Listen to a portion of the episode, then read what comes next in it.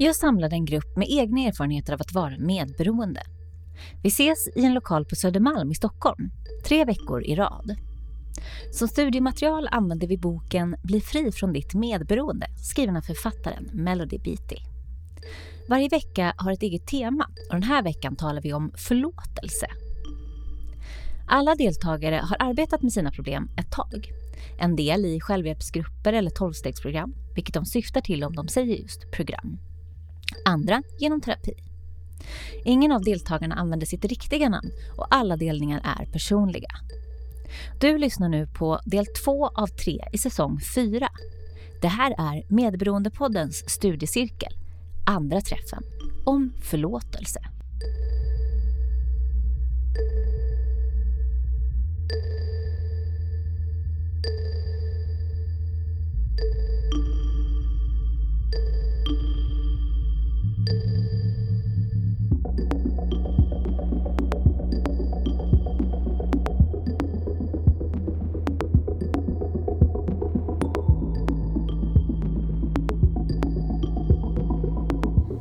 Välkomna hit. Tack. Tack. Tack. Medberoendepoddens studiecirkel är en grupp människor som alla delar medberoendeproblematiken på ett eller annat sätt. Vi kommer att ses tre veckor i rad och dela våra tankar, känslor och vårt hopp med varandra.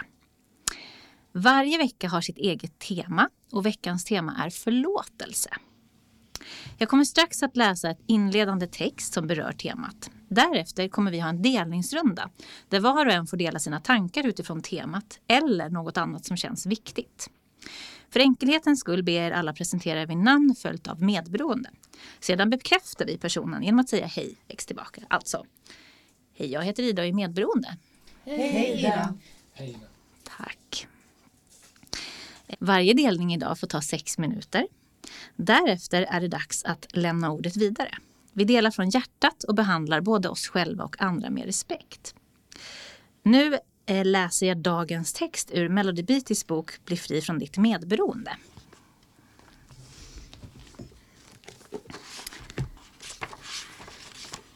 Och texten är eh, ur samma kapitel 19 som vi läste ur förra veckan.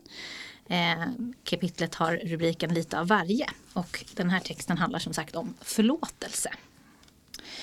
Tvångsmässiga störningar som alkoholism förvränger och förvrider det mesta, inklusive förlåtelsens stora princip. Vi förlåter samma människor upprepade gånger. Vi hör löften. Vi tror på lögner och vi försöker förlåta lite till. Några av oss har kanske, eh, kanske har nått den punkt där vi inte längre kan förlåta. En del av oss kanske inte vill därför att förlåtelse skulle göra oss sårbara för ännu mer smärta och vi tror att vi inte kan uthärda mer.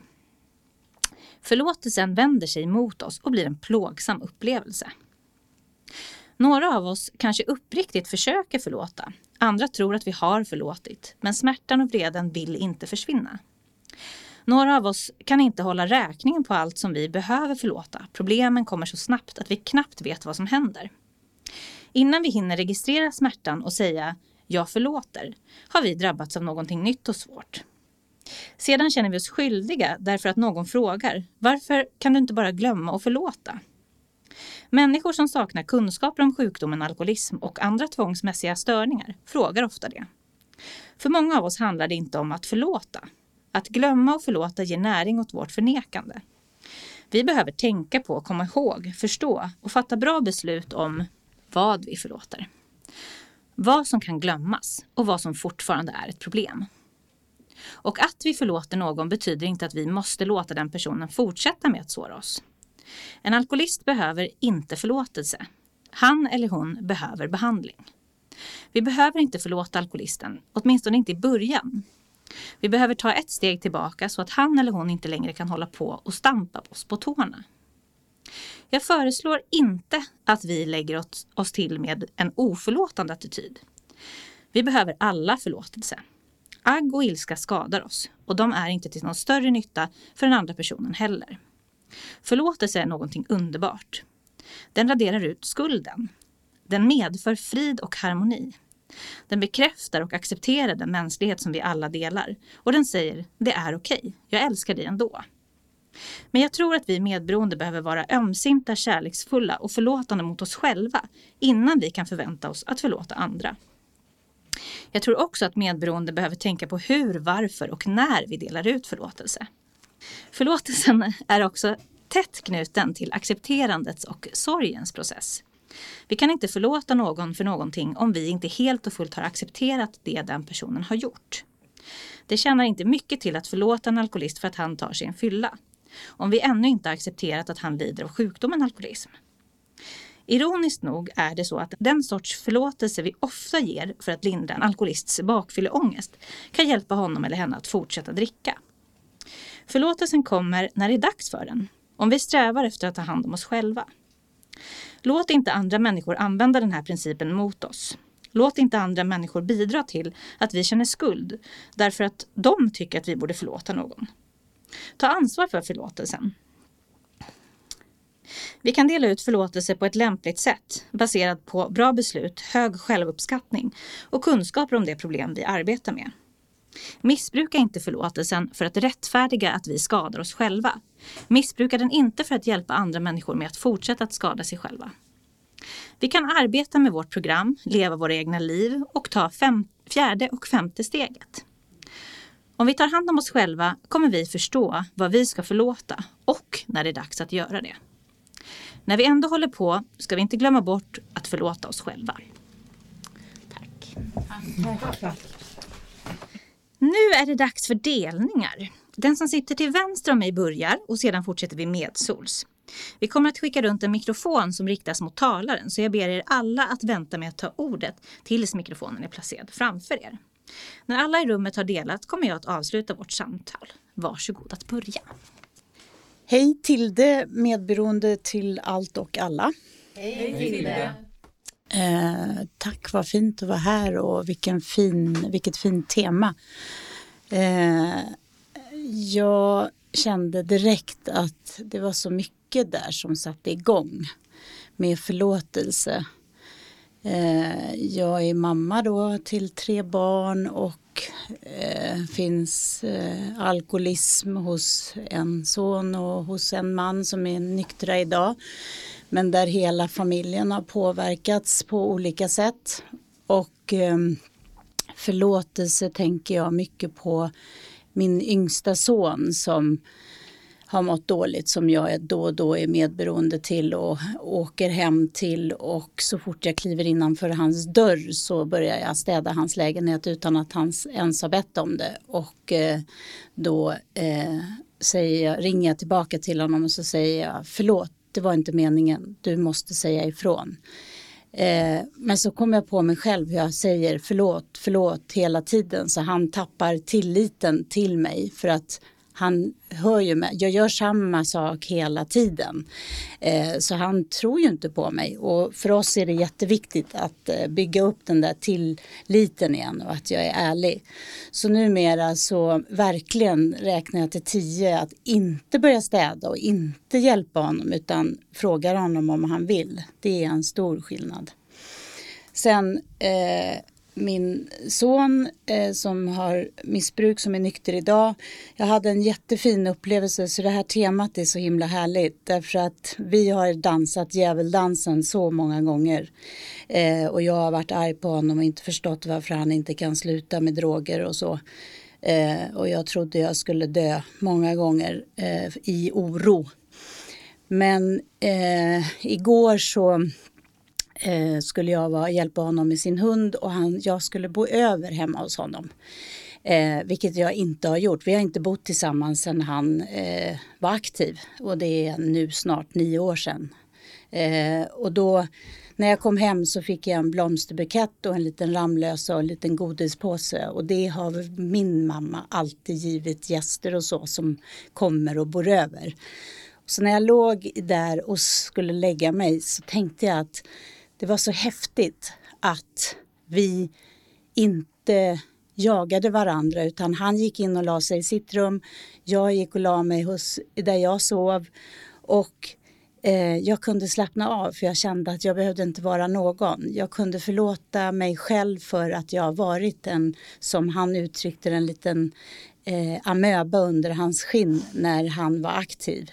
Eh, och eh, jag kunde förlåta mig själv över mitt galna beteende och kunde förlåta honom för han var väldigt sjuk och eh, en tacksamhet att vi båda bad om hjälp. Eh, jag bad om hjälp eh, och går i ett tolvstegsprogram som har varit helt fantastiskt och jag har varit världsmästare på att slå på mig själv. Och, och, och det här med förlåtelse, det blev så stort. Det blev så stort att, eh, att jag eh, har förmågan idag att förlåta mitt eget tokiga, galna eh, beteende. Eh, och förlåta dem runt omkring och tänka att nu fortsätter jag att göra det jag ska för att visa att jag inte är lika tokig, tänker jag. Eh, och att be om förlåtelse när man är arg på alkoholisten eller narkomanen. För man tycker, eller jag tyckte i alla fall, att det var ju inte jag som skulle be om förlåtelse utan det var ju faktiskt den personen. Men när jag fick eh, möjlighet att se vad jag själv hade gjort och förstod att jag hade gjort massa saker så var det helt eh, sjukt härlig känsla att förlåta. Eh, det blev så mycket lugnare i mig eh, och jag slår inte lika mycket på mig själv. Eh, och eh, ja, förlåtelse är jättefint, tycker jag. Tack. Tack. Tack. Tack. Hej, eh, Karin medberoende. Hej Karin. Hej, oj jag blir jätterörd eh, när jag hör eh, det här ämnet. Förlåt. Eh, och det, det som främst eh, kommer till mig det är när det kommer till mig själv eh, och eh, hur jag i så otroligt många år har ägnat mig jag menar, åt självskadebeteende på, på så många olika plan. Eh, och eh, jag vet när jag kom in i det program som jag är med i och eh, började jobba med det här och titta tillbaka så kunde jag ju se ett ganska tydligt mönster att eh, jag har ju ja, men jag har varit så rädd jämt. Eh, och eh, självkänslan har nog inte alltid varit på topp. Den har nog varit ganska låg. Men jag har haft ett eh, otroligt bra självförtroende. Och eh, levde ganska mycket på det. Jag menar syntes och hördes. Och, eh, men jag utsatte mig ju för otroligt mycket eh, jobbiga saker. Hade jättesvårt att och, eh, säga nej, sa ja till saker fast jag menade nej. Eh, och det kunde gälla allt ifrån sexuella relationer till saker jag skulle göra som jag egentligen inte hade någon lust med. Eh, vilket är, är så sorgligt idag när jag är gammal. När man tänker tillbaka hur. Eh, för skulle jag, jag har ju vuxna barn idag. Och skulle jag veta, liksom, kanske de har gjort också, det vet jag inte. Men eh, eh, så känns det så sorgligt eh, vad jag har utsatt mig själv för. Eh, och eh, det har väl varit det absolut viktigaste för mig att förlåta mig själv eh, och eh, krama om mig själv. Och eh, det har varit kanske en förutsättning för mig för att må bra. Idag mår jag ganska bra. Eh, sen eh, tänker jag på vad, vad vi har sagt tidigare här. Eh, just det här med barn. Eh, jag har ju också levt ihop med en alkoholist i många, många år. och gjort så galna saker. Alltså så fruktansvärda saker.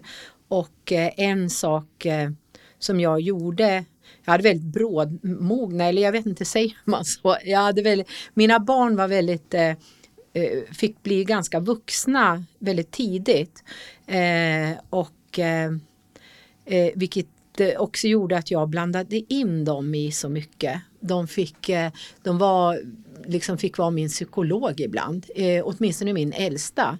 Eh, och eh, när jag tänker tillbaka på när jag satt där när hon var 14-15 år och jag satt och, och, pratade om saker som inte hon skulle behöva ta ansvar för. Eh, det var ju brutalt. Eh, idag har jag i det program jag är med i och som jag har jobbat i i många år nu eh, så har man någonting som heter gottgörelser. Och eh, jag vet att jag tog ett barn i taget och gick ner på Centralbadet här i Stockholm med var och en. Och eh, vi hade en hel dag. Mina gottgörelser till mina barn tog faktiskt eh, två dagar. En dag för varje. Eh, och det var jättefint och det var mycket gråt och, och mycket så.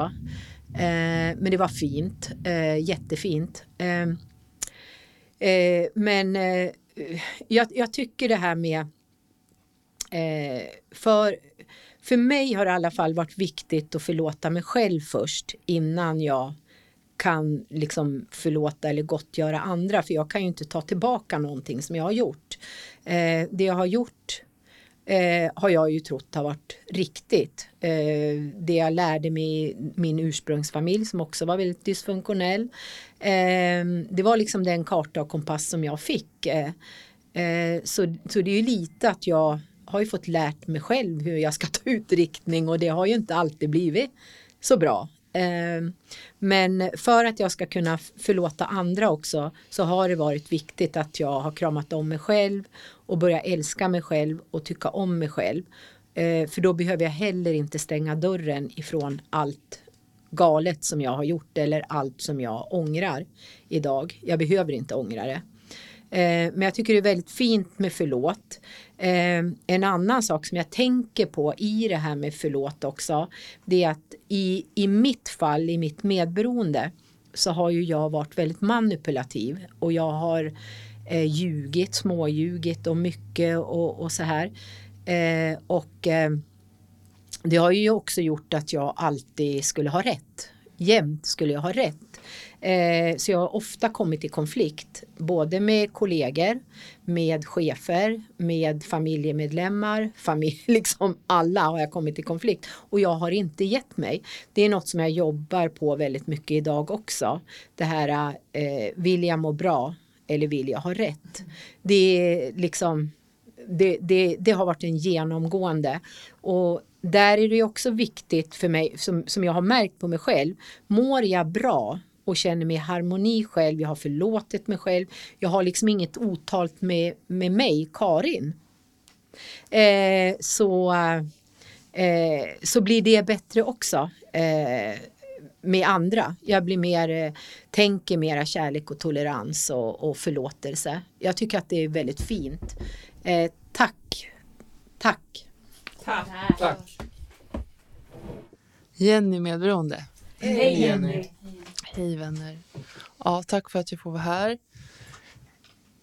Um, ja, hörni. Uh, ja, tack för era fina delningar. Jag, det är verkligen, ni säger så mycket kloka saker och jag bara känner, fan, jag, jag känner mig så förvirrad kring eh, förlåtelse faktiskt. Jag tror att det är för att det är en riktig sån motherload för mig. Um, Uh, och blir direkt nervös och lite svettig. Jag känner att jag vill krypa ur mitt eget skinn och gå härifrån. Uh, och uh, ja, ja, det som kommer till mig är ju att jag, alltså just det som, som både stod i texten och som ni tidigare sagt, att förlåta sig själv. Att det börjar där någonstans och jag tror att det är det som är så svårt för mig. Alltså jag har så svårt för det. Jag önskar att jag kunde hoppa över den biten. jag har så mycket saker som jag också eh, jag tror att det är ihopblandat eh, olika skamscenarion från när jag var yngre och där jag kanske inte har ansvar men jag har tagit på mig ansvar och går och bär på ett ansvar som inte är mitt. Eh, och när jag inte har det där uppsorterat liksom, då går jag med ett stort bagage som jag också försöker springa ifrån hela tiden. Um, och jag tror att det hör ihop med att jag vill det är som att jag tror att jag ska kunna prestera mig ifrån min eget, mitt eget ansvar och, och den här skuld, eh, skuldkänslan då på något sätt. Eh, och det känns väldigt aktuellt för mig. Liksom. Det känns verkligen som att det brann till lite, det här ämnet. Eh, för jag jobbar också med gottgörelserna just nu i det program jag är i. Så att eh, Gud har väl fixat ihop det där eh, i mitt liv just nu som ett tema. Eh, ja, men så att jag känner att jag, eh, jag stressar ihjäl mig på mitt jobb för att liksom slippa tänka på, på mitt ansvar väldigt mycket.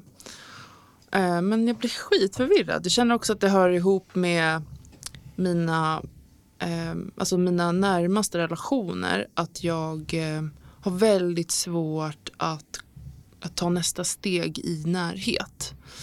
Eh, och det tror jag nämnde sist också vi hade. Att jag liksom till och med kan tycka att det är läskigt och svårt att ringa upp mina närmsta. För att jag känner prestation. Eh, känner mig otillräcklig, känner som att jag har ett ansvar som jag inte lever upp till. Eh, och ja, jag märker att jag måste sortera upp det för jag tror att väldigt, väldigt mycket av det är någonting som jag inbillar mig och har inbillat mig sedan liten. Eller inbillat mig gjorde jag nog kanske inte. Då kanske jag fick det på mig av min pappa, min mamma och eh, eller i skolan liksom när jag blev mobbad och sådär. Eh, mm. kändes tufft, kändes inte så hoppfullt. Eh, men eh, men jag vet ju också att de gånger jag har, när jag gjort gottgörelse tidigare och är bara de här små grejerna, alltså jag, jag, jag, kan börja med små grejer. Jag måste inte ta typ en hel relation i taget utan jag kan börja med en situation. Eh, till exempel så eh, har jag en chef och eh, den relationen är väldigt komplex eh, och jag är väldigt mycket arg. Och för första gången nu förra veckan så bad jag om ursäkt för en, för en liten grej. Liksom. Jag har säkert st mycket större grejer jag måste be om ursäkt för. Men jag bad om ursäkt för den lilla grejen. Och min harm släppte lite grann av det. Eh, och det är väl det som jag, alltså jag har svårt att se det innan jag gör något sånt. Alltså innan jag ber om ursäkt eller tar ansvar för min del så tror jag att det alltid ska vara, alltså känslan är att det är någon annan som ska acceptera mig. Men eh, det är ju precis tvärtom. Det är att jag ska acceptera mig själv, jag ska acceptera situationen och, och det är då det där klicket sker så att jag kan förlåta den andra personen. Um, eller få förståelse liksom och ja, känna mig lugnare i det. Um, ja.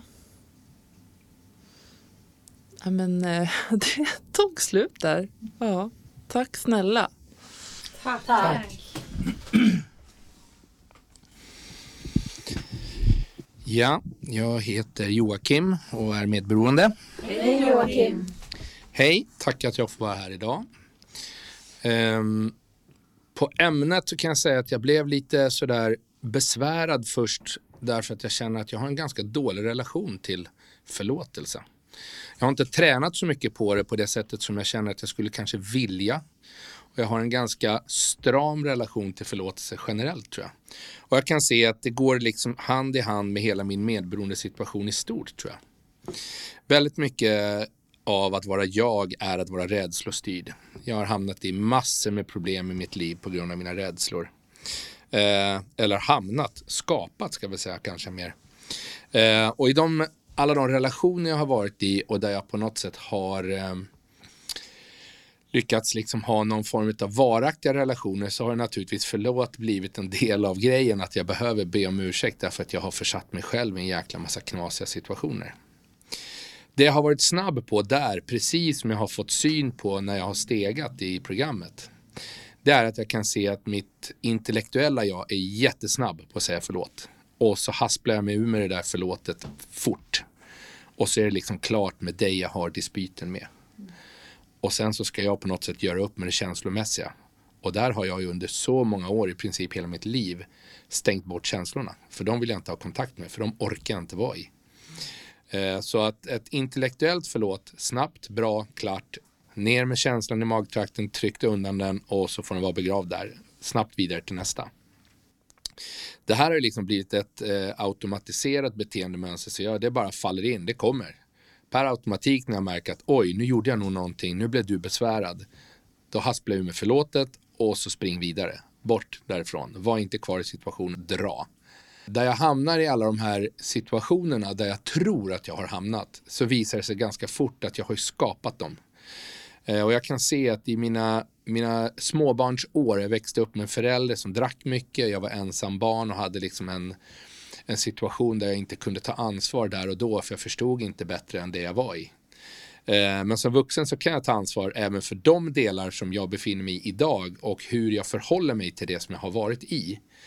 Vilket gör att jag kan se att mina beteendemönster som kommer sen då kanske i början av tonåren men framförallt fram i de sena tonåren eh, som var väldigt mycket att jag skapade situationer där jag ville att problemen skulle söka upp mig. Så att jag såg till att förse mig med attribut. Jag, alltså det skulle kunna vara allt ifrån hur jag klär mig till hur jag för mig till vad jag säger. Bara alla ni andra reagerar på något sätt så att jag får någon form av eran interaktion in i min värld. Och sen så kommer jag göra vad jag behöver för att skapa kaos. Därför att det var det jag var van vid. Det här kaoset behövde jag på något sätt därför att när jag också var i det så såg jag till att jag alltid var on top alltid var i en ledarposition i det här. Ofta kopplat till där jag befann mig då, det var att jag hade, har en all, ett alldeles för stort våldskapital bakom mig där jag har liksom utfört en jäkla massa skit på folk eh, och utsatt massor med människor för ja, massor med onödigt. Det har lett till att jag trodde att jag var i en positionering där jag liksom var högre, bättre. Alltså mitt högmod var på topp, mitt ego fanns. Det fanns så mycket rättfärdigande i allt mitt beteende som handlade jättemycket om att så mycket skit som jag blivit utsatt för så har jag på något sätt, jag har, jag har en, en hel bank att ta av där jag på något sätt kan ge tillbaka. Eh, men det skapade också en situation där jag naturligtvis stod inför en, ja, hur många förlåt som helst som liksom någonstans inte går att hämta upp än idag. För jag vet inte vilka jag är utsatt för alla dessa knasigheter vad jag hållit på med. Men eh, när jag kom till programmet och har börjat liksom se mina egna delar börja förstå utifrån vad vi läser idag här i det fjärde och femte steget och börja se min del i situationer så kan jag helt plötsligt börja se att de delar där jag har skapat allt det här nu och jag börjar sakta förstå den låga självkänslan på vilken otroligt låg nivå den har varit så har jag kompenserat med ett högt självförtroende och jag har levererat massor med saker kopplat till vad den har varit.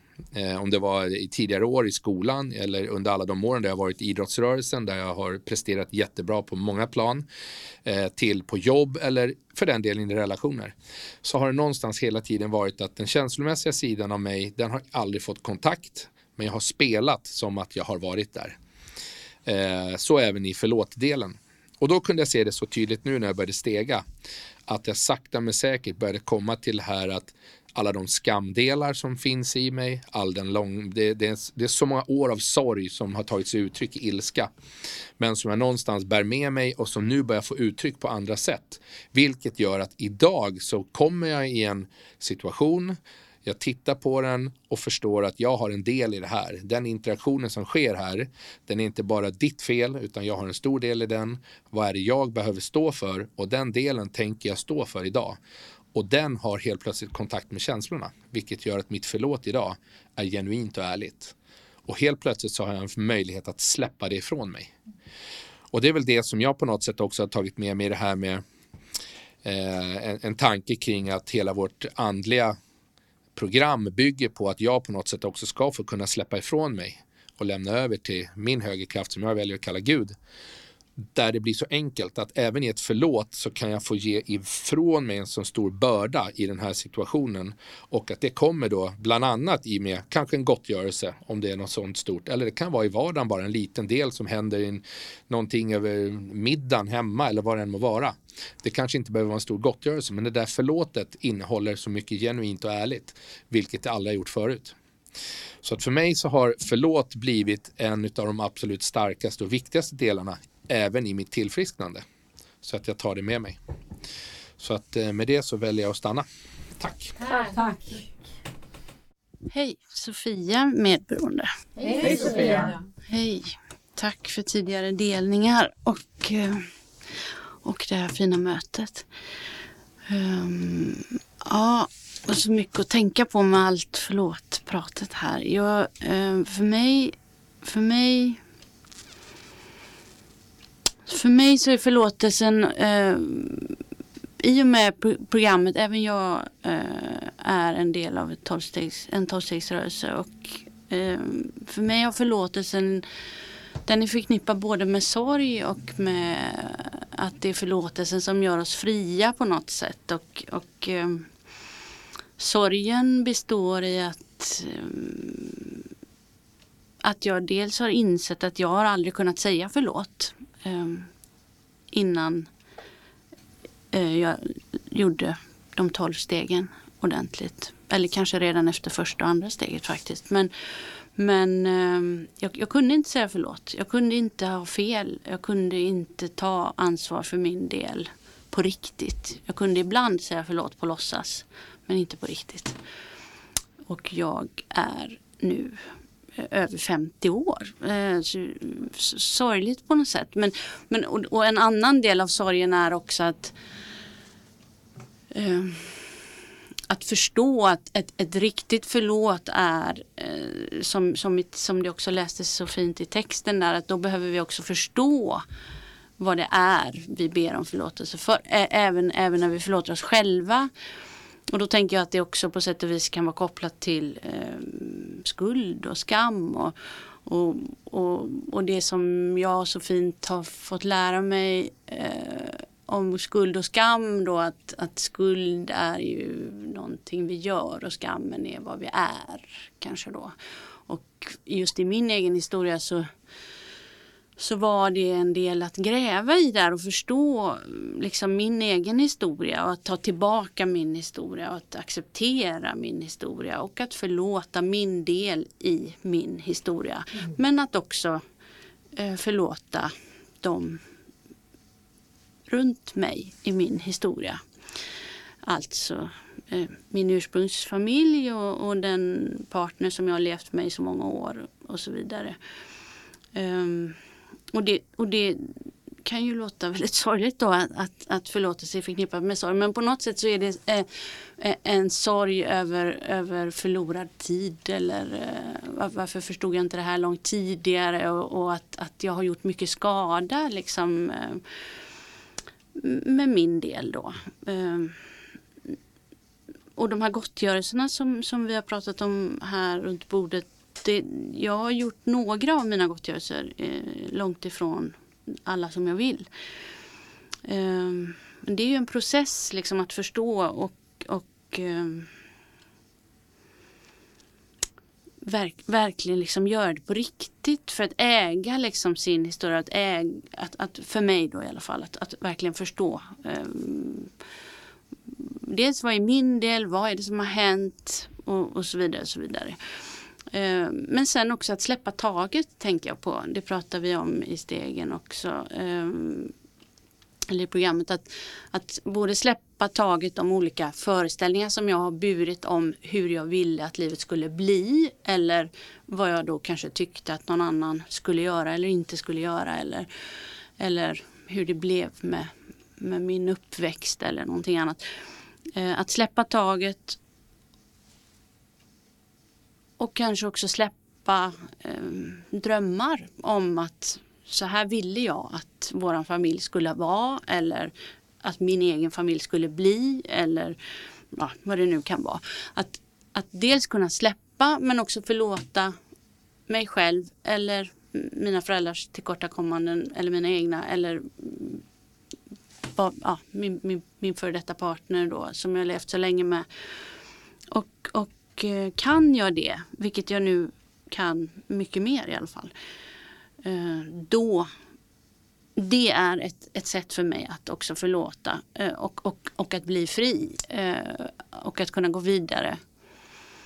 Ehm, då gör det plötsligt ingenting. Men jag behöver förstå varför det blev som det blev. Och det får jag så fin hjälp med i programmet genom att lyssna på andra och att eh, själv verkligen gå till botten med min egen eh, historia. Eh, en annan tanke jag också fick kring förlåtelse är jag tänker till mina barn, jag har två tonåringar, eh, att där har jag ett behov av att göra gottgörelse till dem och, och be om förlåtelse över att jag for fram i mitt medberoende så intensivt under hela deras barndom. Och där blir liksom förlåtelsen, jag har gjort gottgörelse till dem i och för sig, men en ganska eh, förenklad variant för jag vill inte ställa till det kanske för mycket för dem. Men, men då är det ju mer i handling eh, som mi, min förlåtelse till dem är. Och det märker jag även i relation till mitt ex som stundtals har det tufft eh, fortfarande och istället för att som tidigare fara ut och, och lägga skuld på henne, vilket har varit en av mina paradgrenar, eh, att lägga skuld på andra. Eh, tack för tid. Eh, så, så kan jag nu istället klappa om henne och, och, och se att ja, det var ju olyckligt och så, och så på något sätt gå vidare istället för att, att hålla på och skuldbelägga. Och det är så stort, eh, för jag går också fri ur de stunderna. Då. Mm. Tack så mycket. Tack. Tack. Hej allihopa. Jag heter Doris och är medberoende. Hej Doris. Hej. Eh, tack för alla fina delningar. Eh, och för att jag får vara här idag. Eh, sorg väcker det i mig med ordet förlåt. Tyvärr. Eh, jag skulle vilja känna mer att det är fint. Och det är fint med förlåtelse. Men det väcker jättemycket sorg i mig. Eh, jag har alltid varit väldigt, jag förlåter människor väldigt, väldigt lätt. Inga problem. Jag kan bli jätteförbannad på människor och arg och visa min ilska men säger en människa förlåt till mig så förlåter jag dem direkt. Eh, utan utan eh, tvekan ofta. Om inte det Eh, min pappa var jag väldigt arg på men han sa nästan aldrig förlåt eh, när jag tänker på det. Eh, men jag förlåter ju inte mig själv då. Eh, jag växte upp med jättemycket otrygghet hemma eh, och det gjorde att jag blev väldigt, väldigt sträng mot mig själv. Eh, jag får nämligen inte göra fel. Och jag får inte vara en idiot. Andra människor som är idioter och om de säger förlåt så har jag inga problem att förlåta det. Det är klart man får vara en idiot. Eh, men jag får inte vara en idiot och jag får inte göra fel. Eh, och det blev väldigt logiskt för mig att, att slå på mig själv i det. Eh, och och det, jag tyckte det var rätt. Så när jag kom in i mitt tolvstegsprogram Eh, och det pratades om förlåtelse. Eh, jag vet när vi skulle göra gottgörelse så för, jag gjorde aldrig någon liksom, gottgörelse till mig själv. Eh, det kom jag få först när jag sponsrade andra. och det var något jag, jag ville slå på mig själv. Det kändes rättfärdigt, det kändes skönt och det kändes som att jag hade kontroll och det kändes som att jag gjorde rätt då. Um, så jag har mycket att förlåta mig själv för. Eh, och jag har också fyllt 60, vilket jag pratar om lite då och då. Jag har nämligen en 60-årskris, vilket jag inte tycker alls är okej okay att ha. Eh, I min värld ska man inte ha det. Man ska skönt gå vidare och vara glad för att man får leva. Eh, men det har jag. Och ehm, när man fyller 60 så är det verkligen att man, eller jag, jag gör det i alla fall, stannar upp och tänker mycket på vad, ja, mitt liv och hur vill, det är nog bra med den krisen för att liksom inte fortsätta på samma sätt utan det finns liksom inte lika mycket tid kvar. Eh, men att då gå tillbaka och se vad jag har förvägrat mig själv gör mig så ledsen. Eh, jag har förvägrat mig själv vila. Jag har förvägrat mig själv förlåtelse. Jag har förvägrat mig själv så mycket kärlek. Ehm, jag har till och med kommit på, och jag skulle, hade inte tänkt att jag skulle säga detta, men jag har till och med kommit på genom programmets hjälp och andra i programmet att jag är nog en kärleksanorektiker. Det är ju jävligt sexigt. Eh, något jag hade hellre varit en sexmissbrukare känns det som. Det låter lite härligt i alla fall.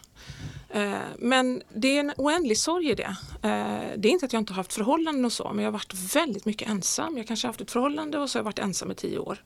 Och så har jag haft ett litet förhållande och så har jag varit ensam i tio år. Inga problem med det förutom att jag längtar ofta. Nu blev det jättejobbigt att jag erkände det. Men eh, vi är ju här för att vara ärliga och för att våga öppna upp. Eh, så det, det, det, blir väldigt sorgligt för mig själv. Jag har väldigt svårt att förlåta mig själv. Eh, men när jag är hård mot mig själv så har jag lärt mig i det här programmet att jag kan inte blaja bort det och säga ja men förlåt dig själv bla bla utan jag måste verkligen sätta mig ner och jag måste verkligen på riktigt vilja ge mig själv kärlek och när jag gör det så är det helt magiskt.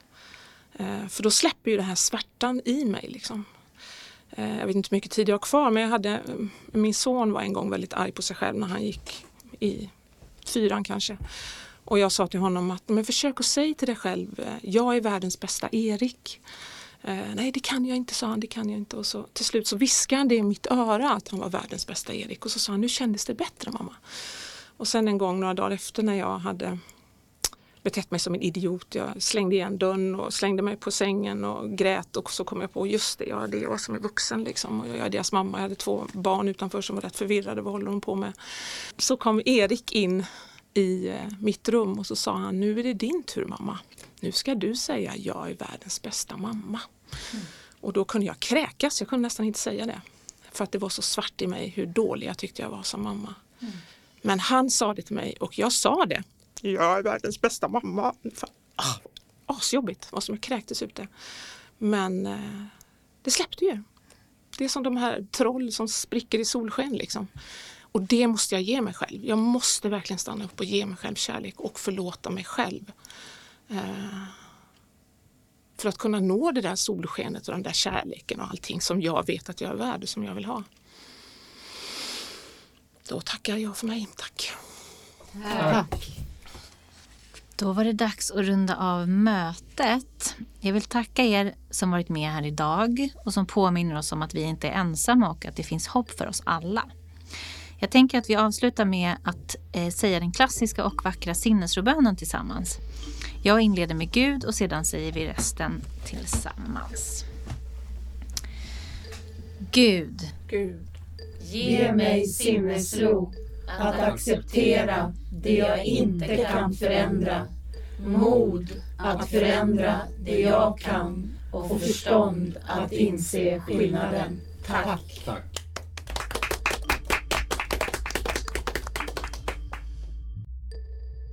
Du har nu lyssnat på andra delen ur fjärde säsongen av serien Medberoendepoddens studiecirkel. Känner du igen dig i något och vill veta mer om medberoende samt var du kan vända dig? Då kan du gå in på vår hemsida www.medberoendepodden.se. Arbetet med Medberoendepodden gör jag helt själv utan utomstående finansiärer. Och tycker du om Medberoendepodden och det arbete jag gör och önskar att det ska fortsätta, då får du jättegärna swisha valfri summa till nummer 070-243 4202. 070 243 4202. I juni går tredje vändan av min digitala grundkurs i medberoende och jag planerar att anordna en fördjupningskurs framöver. Kurserna är både utbildande och behandlande. Det går också bra att boka mig för föreläsningar och workshops. Jag har beslutat att skänka 10% av det jag drar in på föreläsningar och workshops under våren 2022 till någon av de pålitliga organisationer som stöttar de utsatta i kriget i Ukraina. Så vill din verksamhet eller kommun slå två flugor i en smäll och sprida kunskap om medberoende och stötta de utsatta i Ukraina så passa på att boka nu. Glöm inte att följa oss i sociala medier. Där heter vi Medberoendepodden.